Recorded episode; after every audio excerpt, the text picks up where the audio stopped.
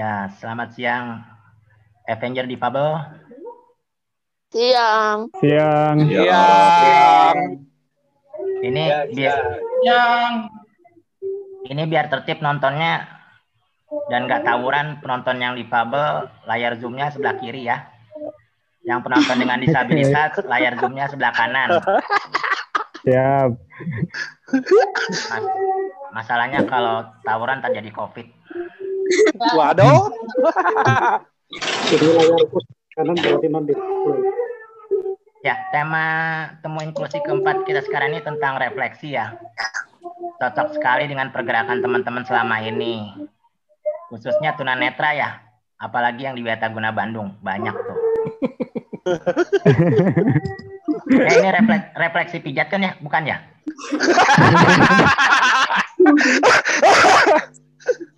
Kok hati atok ya yang lucu. Ya.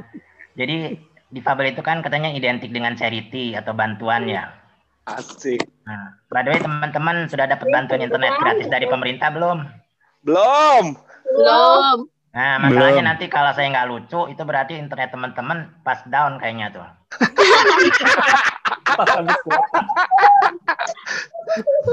Lockdown. Ya, dengan kondisi kondisi kita semua seperti ini yang difabel, banyak orang sih suka bertanya sama saya. Ya, jadi ada orang suka tanya sama saya tentang kondisi saya gitu. Mas Peteng lebih senang penyandang cacat, difabel, atau penyandang disabilitas? Saya jawab, saya lebih senang cucu Saidah. Asik. Gombal. Sedap. Ya, Awas dicubit di sebelah. Ini bukan acara OVJ, ini acara stand up comedy. Tolong tenang semua ya. ya, jadi ber- berkat perjuangan teman-teman semua sekarang sudah banyak sekolah inklusi ya. Di mana kita semua bisa membaur belajar bersama tanpa dibatasi dalam pendidikan.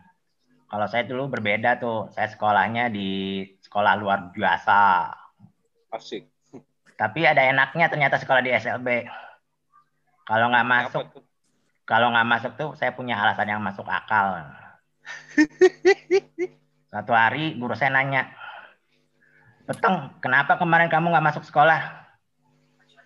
Ban kursi roda saya kempes, Bu.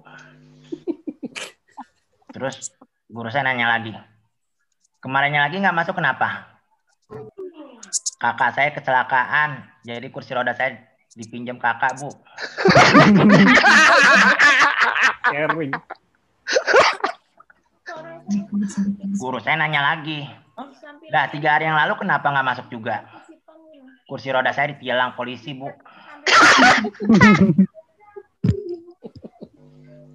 ya ini ya. Eh, berkat adanya Undang-Undang Nomor 19 Tahun 2011, tolong dikoreksi kalau salah, tentang ratifikasi Konvensi Hak Hak Penyandang Disabilitas dan juga Undang-Undang Nomor 8 Tahun 2016 tentang penyandang disabilitas. Makin banyak semangat teman-teman difabel bergerak mengadvokasi haknya ya. Baik secara individu maupun berorganisasi. Udah banyak tuh organisasi penyandang disabilitas yang fokus di isu masing-masing. Yang memudahkan kita juga untuk berjuang bersama. Contohnya kalau saya boleh absen nih seperti PPDI yang mengadvokasi kebijakan pemerintah. Terus Gerkatin yang terus mensosialisasikan bisindonya. HWDI dan Sabda dengan isu gender, Sigap yang memberikan pendampingan hukum, Mitra Neta dan Pertuni dengan dengan organ tunggal nikahannya, Perdik dengan Soto Makassarnya, dan banyak lagi. Jadi banyak ya organisasi disabilitas itu udah semakin banyak ya. Terus berkat perjuangan dua tahun terakhir juga sudah apa ya kita menghasilkan enam peraturan pemerintah ya teman-teman ya yang sudah disahkan. Sudah pada baca belum? Belum. Belum semua. Belum. Jujur saya juga belum baca. bukan bukan apa-apa khawatirnya apa masih salah ketik kan repot kalau kalau dibalikin lagi. Ya. Kita kita juga bangga sudah ada teman-teman di Fabel yang sudah bekerja di posisi strategis ya. Seperti Mbak Risna di anggota komite CRPD di kantor HAM di PBB. Wah, subhanallah. Ada staf khusus presiden. Staf sangat inspiratif banget ya. Kantor staf presiden. Lalu ada anggota komisioner Komnas Perempuan, ada yang juga aktif di partai, di FPI. Eh, ada nggak ya? Mana ya, ada belum ada ya? Belum ada ya? Ya, kita doain aja mudah-mudahan Mas Amex atau Cakfu bisa jadi komisioner FPI ya. Amin. Biar FPI jadi FPI inklusi. Amin. Ah, kita juga doain Mas Joni juga ya bisa lolos seleksi menjadi komisioner ombudsman katanya. Amin. Amin. Amin. Ka- Kalau saya sih yakin ya Mas Joni bisa lolos terpilih. Karena Mas Joni itu udah terbiasa dengan dengar apa? dengar curhat dan keluhan. Terutama dengar curhat terutama dengar curhatan dan keluhan istrinya.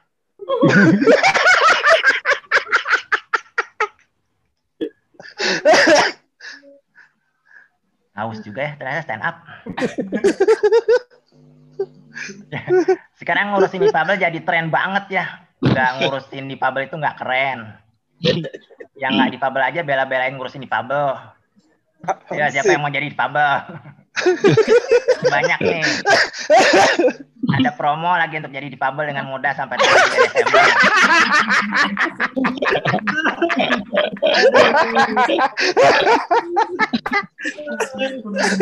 Nih, nih, dengar ini. Iya, iya, iya. Dengar ini, tiga pendaftar pertama akan mendapatkan kursi roda listrik dari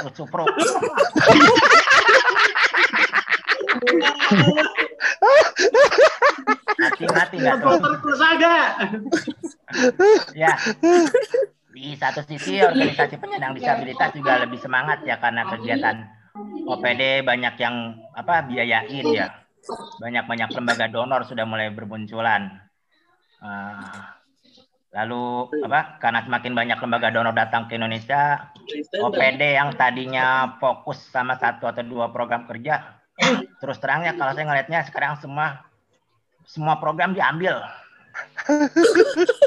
Satu OPD bisa punya program advokasi, aksesibilitas, tentang gender, tentang tenaga kerja, tentang pendidikan inklusi, temu inklusi, tenaga kerja inklusi, kawin inklusi, lobster inklusi. Ini ini OPD apa Luhut Binsar Panjaitan sih?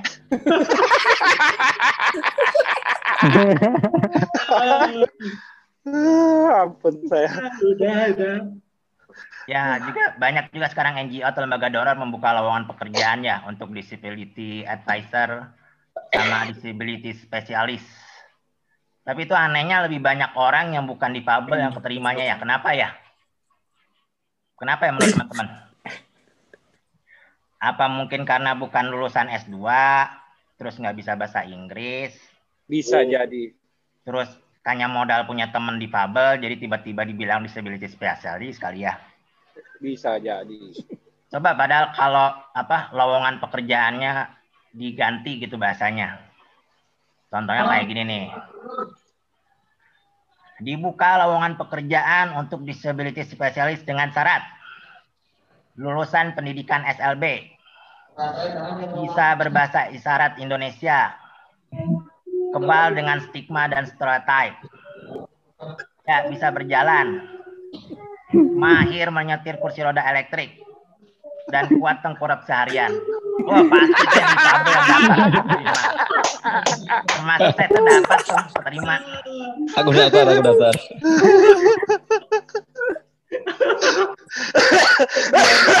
Keren. Waduh, covid nih batuk. Aduh. Batuk semua tuh. Ya. Ini, ini selain dua tahun terakhir ini juga saya juga mau ceritain sedikit dulu zaman zamannya saya tuh zaman dulu apa medis itu masih sangat mempengaruhi kehidupan difabel ya. Jadi segala keputusan itu ada di tangan medis. Jadi dulu terapis saya itu pernah bilang ke saya, peteng kalau kaki kamu nggak bisa lurus dan digerakkan, kamu nanti nggak bisa berdiri dan berjalan, juga jadi merepotkan orang. Nggak tahu tuh terapis. Nggak tahu aja tuh terapis ya. Saya udah bisa stand up komedi sekarang. Terima kasih teman-teman. Mari kita berefleksi bersama. Terima kasih. Wassalamualaikum warahmatullahi wabarakatuh. Waalaikumsalam warahmatullahi wabarakatuh.